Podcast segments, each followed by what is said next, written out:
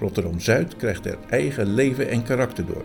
Uit dat oogpunt bezien begroet het gemeentebestuur de onderneming met grote vreugde en wenst hartelijk dat men zal slagen in hetgeen men zich ten doel heeft gesteld. De Dag van Toen podcast. Geschiedenis uit Zuid-Holland. Met Dave Datema.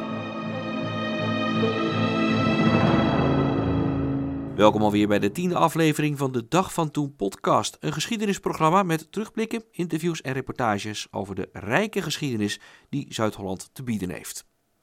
Het is vrijwel nooit saai rondom voetbalclub Feyenoord, maar de club uit Rotterdam-Zuid heeft dit jaar wel een heel heftig jaar achter de rug. De plannen voor een nieuw stadion, deel uitmakend van Feyenoord City, werden in de ijskast gezet. Door de stijgende bouwkosten was het veel te duur geworden. Daarnaast kreeg de club de financiering niet rond. Tegelijkertijd werden bestuursleden van de club en andere betrokkenen door tegenstanders van het project bedreigd.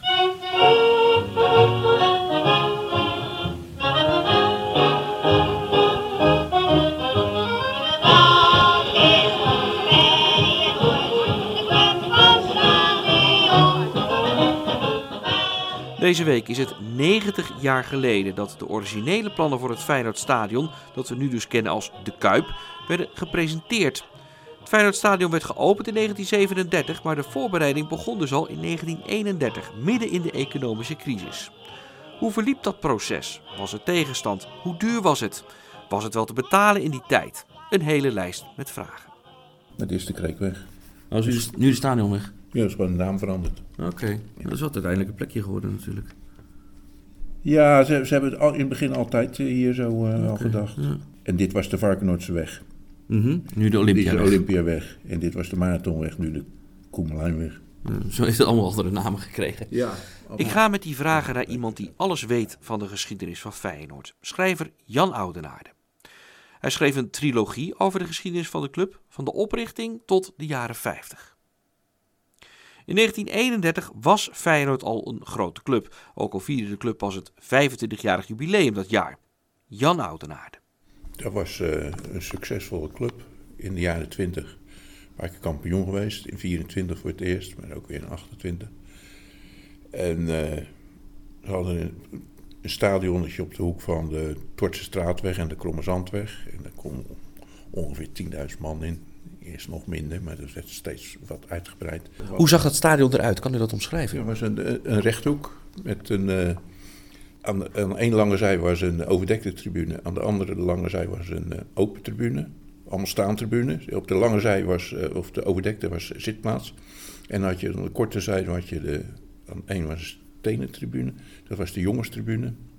En de andere korte, eh, korte zij was ook een tribune.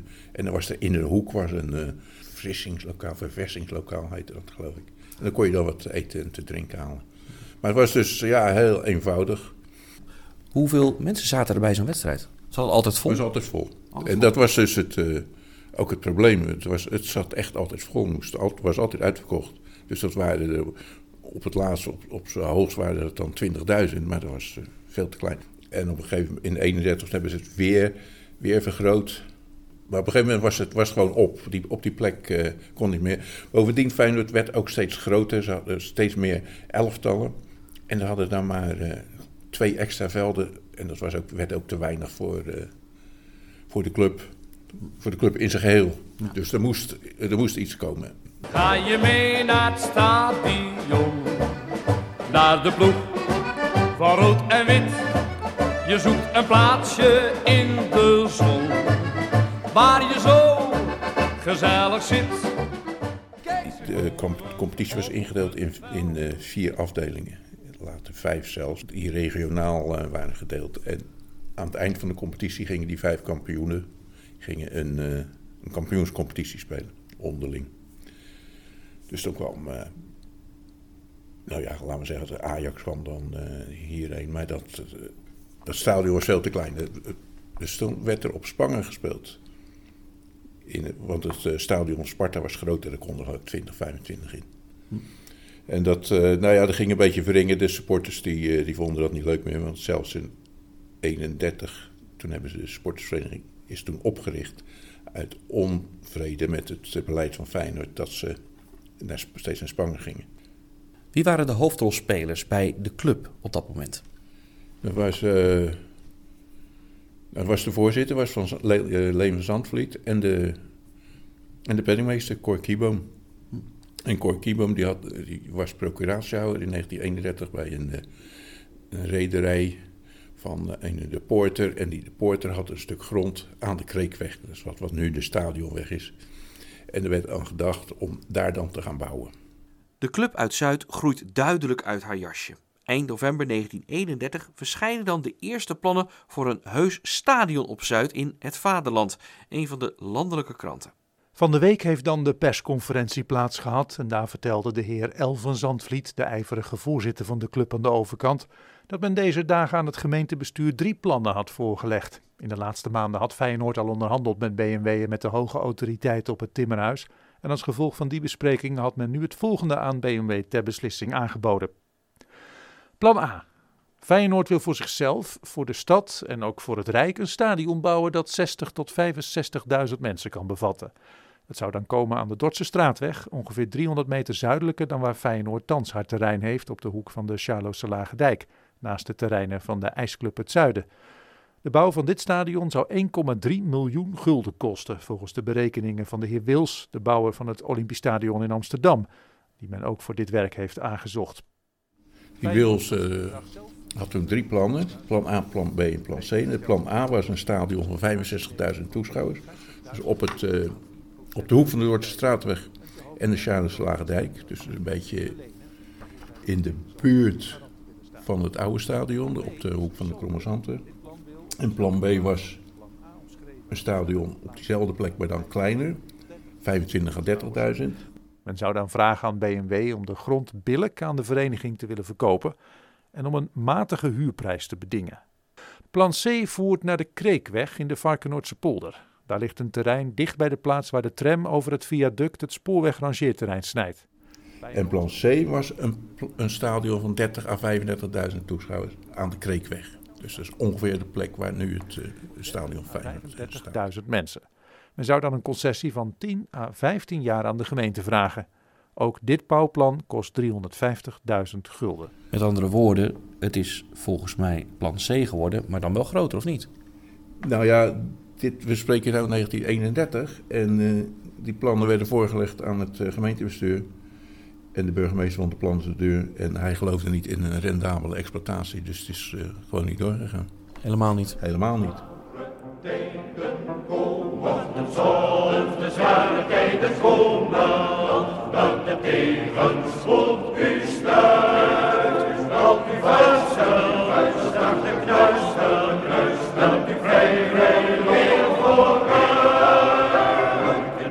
gemeente Rotterdam en Feyenoord kwamen er in 1931 dus niet uit als het gaat om de bouw van het nieuwe stadion. En dus nam de club rigoureuze besluiten. Het keek over de gemeentegrenzen. Toen zijn ze naar de IJsselmonde gegaan. Om de, de gemeente IJsselmonde was toen nog zelfstandig. Die is pas in uh, 1941 bij Rotterdam uh, gekomen. Om te vragen of ze daar konden, een stadion konden bouwen. Er werden afspraken gemaakt uh, over wat dan de vermaardelijkheidsbelasting zou zijn. Nou ja, het was allemaal goed. Op één punt na, er moest op zondag gevoetbald worden. En IJsselmonde was een, een zeer christelijke gemeente. En uh, plattelandsgemeente echt natuurlijk. En dat uh, op zondag voetballen, dat ging niet door. In de laatst gehouden gemeenteraadsvergadering, die tot ruim één uur duurde, heeft men na zeer breedvoerige besprekingen met acht tegen vijf stemmen besloten afwijzend te beschikken op het adres van de Rotterdamse voetbalvereniging Feyenoord om in een stadion in deze gemeente te mogen voetballen op zondag. Wel is toegestaan het stadion te bouwen. En toen zijn ze naar Barendrecht gegaan, precies hetzelfde voorstel gedaan. Nou ja, kon, het kon. Er was nog geen, geen plek aangewezen, maar in principe kon het. Behalve zonder voetballen, dat ging niet door. Dat is bijna niet voor te stellen nu. Ja, dat kan je nu niet meer voorstellen. Maar nou ja, het is ook nog niet zo lang geleden dat die, uh, dat die marathon in Rotterdam bijvoorbeeld niet uh, op zondagochtend mocht beginnen. Want dan, dan kwamen ze in uh, conflict met de kerkgangers. Dus dat moest altijd na twee uur. Nu, nu beginnen ze ook om elf uur. In ieder geval om een beetje gunstiger tijdstip. Maar dat is ook nog niet zo lang geleden, die, die, eh, die macht eh, van de kerk. Laat het vaandel wapperen, ja is ons weer hoog geweest. Laat het vrolijk wapperen, wij het nooit gefeest, wij het nooit gefeest. Ze wilden bouwen, ze hadden twee plannen. En dat was... Uh, of bouwen of het bestaande terrein aan de Krommezandweg uitbreiden. Tot 30 à 35.000 toeschouwers. Waarvan 9.000 met een zitplaats. En dat is uiteindelijk is er gekozen voor een plan om, eh, om het bestaande terrein uit te breiden. Alleen is dat dus weer niet doorgegaan. Want toen eh, kwam de Kamer van Koophandel ertussen. Nou, die heeft, de Kamer van Koophandel, daar, zaten dus belangrijke industriëlen in van, eh, in Rotterdam. En die hebben zich toen tot de gemeente gewijd, gewend en toen gezegd, er moet aan die Kreukweg moet een gewoon een stadion moet gebouwd en jullie moeten voor de, voor de aan- en toevoerwegen zorgen. En dat is in 34 is dat, nou ja, dat was goed gekeurd. Het- het- er zit wel steeds hè, Ja, beginnen steeds opnieuw. Onwil, onwil zit er ook bij. En, maar dan, die groep industriëlen en van de Kamer van Koophandel, daar zit dan Van Beuningen bij. En die zet zich erachter en die, en die drukt het door. En dan wordt er een, eh, ja, wordt de NV eh, Stadion, eh, Stadion Feyenoord opgericht in 1935. En dan, en dan gaat het door. Bij het bestuur van Feyenoord is bericht binnengekomen dat BMW de plannen voor de bouw van een nieuw groot Feyenoordstadion aan de Kreekweg goedgekeurd hebben. De voorstellen aan de gemeenteraad kunnen binnenkort tegemoet gezien worden. Feyenoord had eh, zelf eh, zo'n 125.000 gulden gereserveerd voor de bouw van een nieuw stadion. En toen zijn ze naar eh, Van Beuningen gegaan. Dat was de president-commissaris van de Steenkolen Handelsvereniging. En de voorzitter van de Kamer van Koophandel in Rotterdam. En een van de machtigste mannen buiten de politici in Rotterdam. En ze hebben de plannen voorgelegd en hij vond het... eh, ja, hij vond het een goed plan. Hij vond eh, goed dat eh Feyenoord 125.000 gulden zelf had. Maar hij vond het ook te weinig. Hij dus hij heeft er toen nog 100.000 geleend. En dat moesten ze weer terugbetalen. En toen heeft hij een eh, NV opgericht, NV Stadion Feyenoord, met een aandelenkapitaal eh, van 400.000. En, dat- en daar konden mensen dus op in, eh, inschrijven, obligaties en aandelen. Gebeurde dat ook een beetje? Ja, Ondanks de crisis. Ik weet niet of het helemaal volgestort is, maar er was. eh, nou ja, er zijn in ieder geval toezegging- toezeggingen. Ja, maar er waren. Ja, er waren wel rijke mensen. Bedoel. Dus niet Jan en Piet en Kees in de straat. 400.000 nee, nee, nee, er waren veel bedrijven. En, eh, gulden. En dan te bedenken dat, het, eh, dat de plannen voor het huidige Feyenoordstadion, het nieuwe, het Feyenoord Ja. City, die stonden op 441 miljoen. ja, Het, het contrast kan haast niet groter zijn. nee. En er- zal. eh, als je bedragen ziet van ruim 1 miljoen, dan zullen daar ook die, eh, ja, die omgevingskosten bij. er zijn altijd extra kosten en misschien is het ook nog duurder geworden. Maar zoveel Was die begroot? Ja, en, en voor dat bedrag, er werd dus een, een NV opgericht met een aandelenkapitaal van 400.000. Rood en wit, blub en wit, en voetbaldaden. Rood en wit, rood en wit, dat ons bekoort. Golden boom, een van Dom, was beraden. Rood en wit, blub en wit, ons Feyenoord. Het is in 35 begonnen te bouwen. Begon men te bouwen en in 36 was het klaar. In een jaar tijd. Alleen eh, het kon niet open, want er waren geen wegen. en de gemeente had zich dus toe, eh, toe verplicht om, dat, om daarvoor te zorgen. Maar de, de provincie zei, er is, die, die, die hield het heel, er is geen geld voor. Het Rijk gaat daar niet aan meebetalen. Toen is Van Beuningen, die is kwaad geworden. Die is naar de minister gegaan van Financiën. Dat was eh, meester Oud, de latere burgemeester van Rotterdam. En die kwam toen met het voorstel, als je nou vier ton, hè, als- je nou zelf vier ton leent aan de gemeente, dan kan de gemeente daarmee die, eh, toevoerwegen aanleggen. En dan kunnen ze dat op, ja, op, in termijn afbetalen. Dus Van Beuning heeft het ook, moest ook de gemeente nog voorschieten om die wegen aan te leggen. Nou, toen waren die wegen klaar. En toen zouden ze dus open kunnen. Maar er waren geen parkeerterreinen. En toen zei hij, ja, dan, dan gaan we ook niet open. zei Van Beuningen. Dus het was... Een, Heeft hij dat ook weer voorgeschoten of niet? Nou, het was een padstelling en toen hebben ze uiteindelijk hebben ze, zijn ze te- te- overgaan dat zowel de gemeente als, eh, als dat Feyenoord er ook aan mee zou betalen. wel. Dus dat ze dat samen zou betalen. En toen komt pas, dus een, toen was het al een jaar klaar, de stadion. En toen konden ze pas open.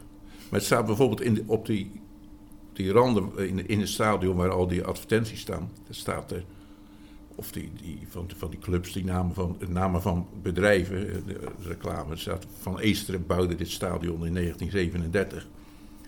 Maar het is, ze, bouwden dus van 1935 tot 1936. Het was te lang klaar. Het was Het te lang het klaar. was een jaar klaar, weet je wel. Er moest echt, die brug, die, die breebrug, de, die luchtbrug moest ook nog gebouwd worden. De, de gemeente moest een heleboel dingen doen nog voordat ze...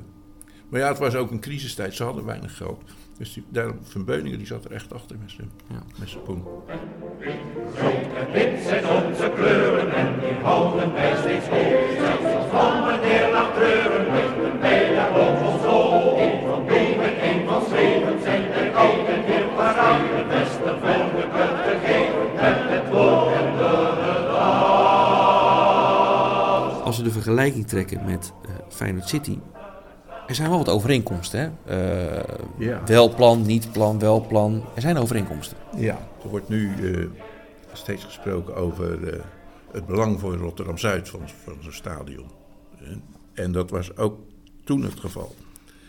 Want dan krijg, toen was de burgemeester was, eh, Piet eh Droogleeuw Fortuyn. En die heeft de eerste paal geslagen voor, eh, of nee, de eerste spand van die 120 spanten geplaatst. En die zei dus in een toespraak, en ga ik nu even citeren. Deze onderneming gaat voor de gemeente uit boven de betekenis van een stadion. Men heeft zich in het belang van deze onderneming de medewerking weten te verkrijgen van de Nederlandse spoorwegen, waardoor eindelijk de wens van een station Rotterdam-Zuid in vervulling zal gaan. Men heeft hier een stadsdeel van ruim 150.000 inwoners, dat tot nu toe verstoken is gebleven van een behoorlijk station. Nu door de bouw van een stadion komt ook een station. Men beseft wat dit voor Rotterdam betekent. Men kan er het begin van een behoorlijk stedenplan in zien. Rotterdam-Zuid krijgt er eigen leven en karakter door. Uit dat oogpunt bezien begroet het gemeentebestuur de onderneming met grote vreugde en wenst hartelijk dat men zal slagen in hetgeen men zich ten doel heeft gesteld. Dus eigenlijk in iets andere bewoording hetzelfde wat eh, Abu Talib eh, nu zegt. Het belang van Rotterdam-Zuid, eh, eindelijk een, een goed stedenplan. Nou ja, sinds die tijd is dus met de stedenplan verder niks gedaan. Allemaal bedrijfjes eromheen. En die bedrijven zijn ze nu aan het uitkopen om wel een stedenplan, eh, dus een, een woonwijk te bouwen en met uitgaansgelegenheden.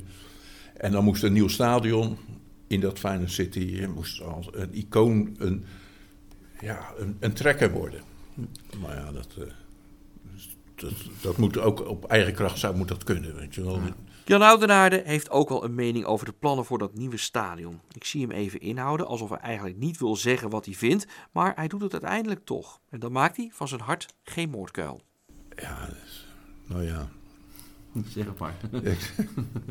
hoe, ga je, hoe gaat het netjes verwoorden? Ja, dat weet ik niet. Ik bedoel, het, is, eh, het is allemaal verloren tijd geweest.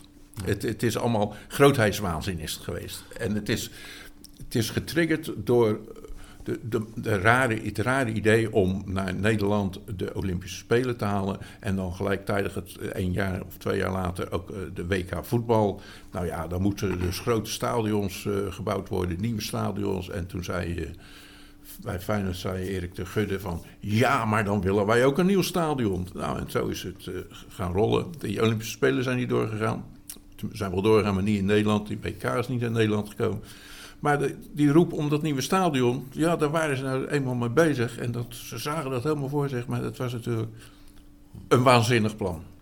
En we hebben een burgemeester die, eh, die dat niet in zijn portefeuille had... maar de, die dacht van ja, dat, eh, als ik... eh, straks weg ben, dan moeten ze toch kunnen zeggen... nou kijk, dat stadion, dat hebben we toch aan Abu Talib te danken.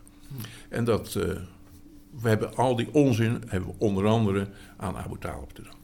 Want die blijft maar tegen, ja, tegen alle argumenten in doordrukken... samen met, eh, samen met zijn wethouder. En wat bouwers natuurlijk, hè? want er zijn mensen dit, voor wie dat heel eh, gunstig uit kan pakken, zo'n nieuw stadion. Ja, aan de andere kant valt een stadion van ruim 80 jaar oud, valt het nog te renoveren? Ja, natuurlijk. Het is eh, sta. Kijk, hoe oud is de. Een tegenvraag. Hoe oud is de Eiffeltoren? En dat is van hetzelfde materiaal. Je moet het wel, zoals het tegenwoordig zo mooi heet, updaten. Je moet het moderniseren. En dat is in 1994 al een keer gebeurd. En dat kan weer. De plannen liggen klaar. Voor de helft van het geld. Maar je houdt er wel dus een mooi stadion over. Het kan, heel, Maar- mooi- het kan, het kan nog veel mooier. Het kan. Weet je, wel, het- je had die groep eh eh, Red Kuip. En dat, werd afgedaan als een stelletje amateurs door eh, Van Merwijk en Gutte. Maar dat, daar zaten professoren uit Delft zaten erbij. Ja, ze hadden alleen een klein foutje met de zichtlijn. Maar er, er werd gewoon niet naar die mensen geluisterd omdat ze met oogkleppen opliepen. Ja. En nu bestaat het plan niet meer. Nee, en, maar nu is er dus ook weer een. De, de, de Red Kuip is ook op, eh, opgevolgd door de moderne Kuip, TMK. Maar er, wordt, er wil niet mee gesproken worden. Omdat men heeft geen plan B. En toen werden er zelfs plan A, plan B, plan C. En nu, eh, ja, nu zitten we met handen in het haar.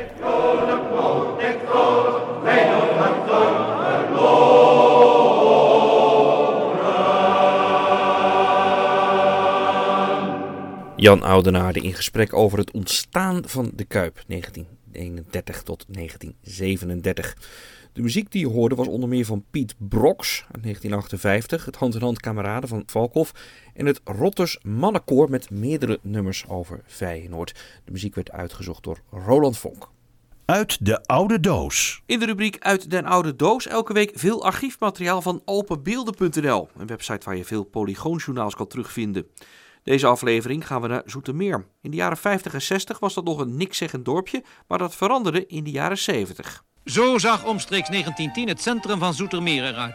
Een smalle, gezellige dorpstraat met lage huisjes. Iets van die sfeer is er vandaag nog terug te vinden, doordat in de laatste jaren tal van oude panden gerestaureerd zijn. Markant punt in de dorpskern is de hervormde kerk. Maar die valt steeds minder op door het snel veranderende silhouet van Zoetermeer, dat in recordtempo bezig is zich te ontwikkelen tot een stad waar in 1981 100.000 mensen zullen wonen. Eén blikseminslag in de antenne van het centraal antennesysteem. En heel Zoetermeer zit zonder televisie. Want alle huizen, zowel hoog als laagbouw, zijn op dit systeem aangesloten. In totaal zullen er 25.000 woningen verrijzen, die vooral bestemd zijn voor mensen die in Den Haag werken. De stad wordt opgebouwd uit vier woongebieden rond een stadscentrum, waarin alle stedelijke voorzieningen zullen worden ondergebracht.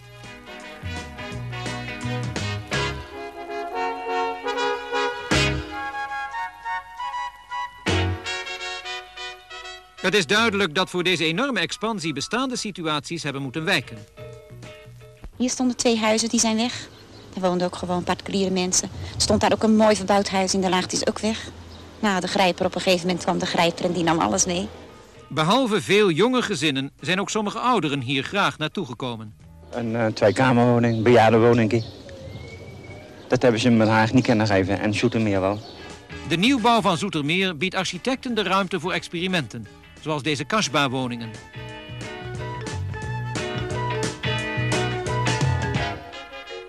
Ondanks de inspraak die de nieuwe bewoners bij tal van zaken hebben, blijft er toch nog wel wat te wensen over.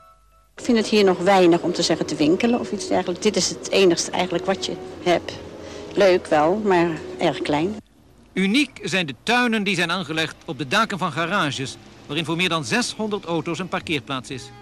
Deze enorme tuinen, die de omwonenden vrij kunnen gebruiken, zijn een originele vorm van groenvoorziening in deze snelst groeiende gemeente van ons land. Wij hebben ook nog fietsen. En een daktuin, daar kan je op spelen. Met een hele groot zwembadje zo laag. Kan je heel leuk spelen.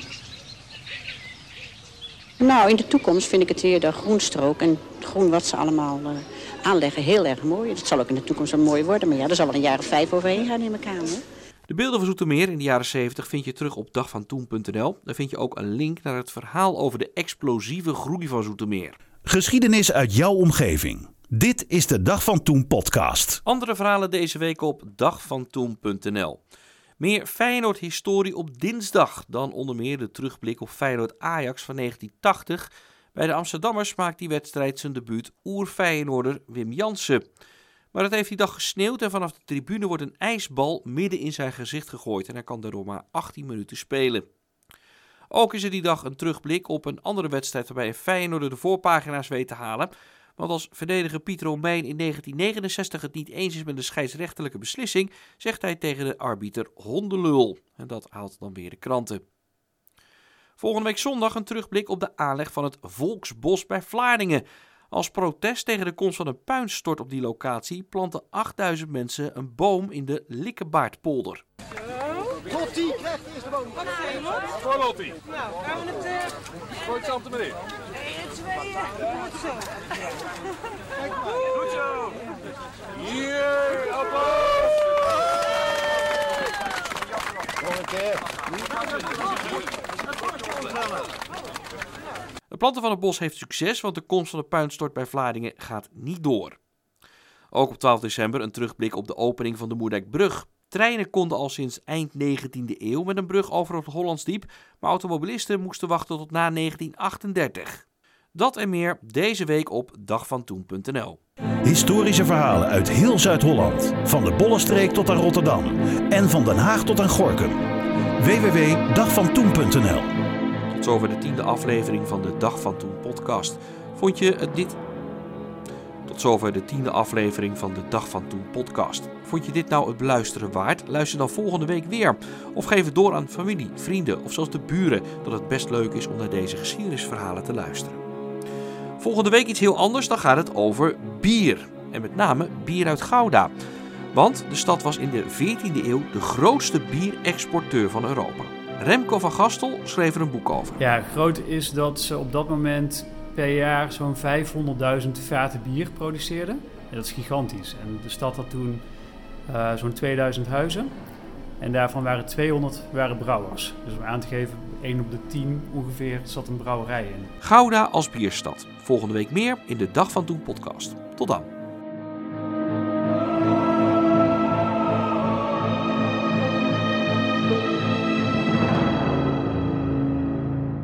Dag van Toen podcast. Geschiedenis uit Zuid-Holland.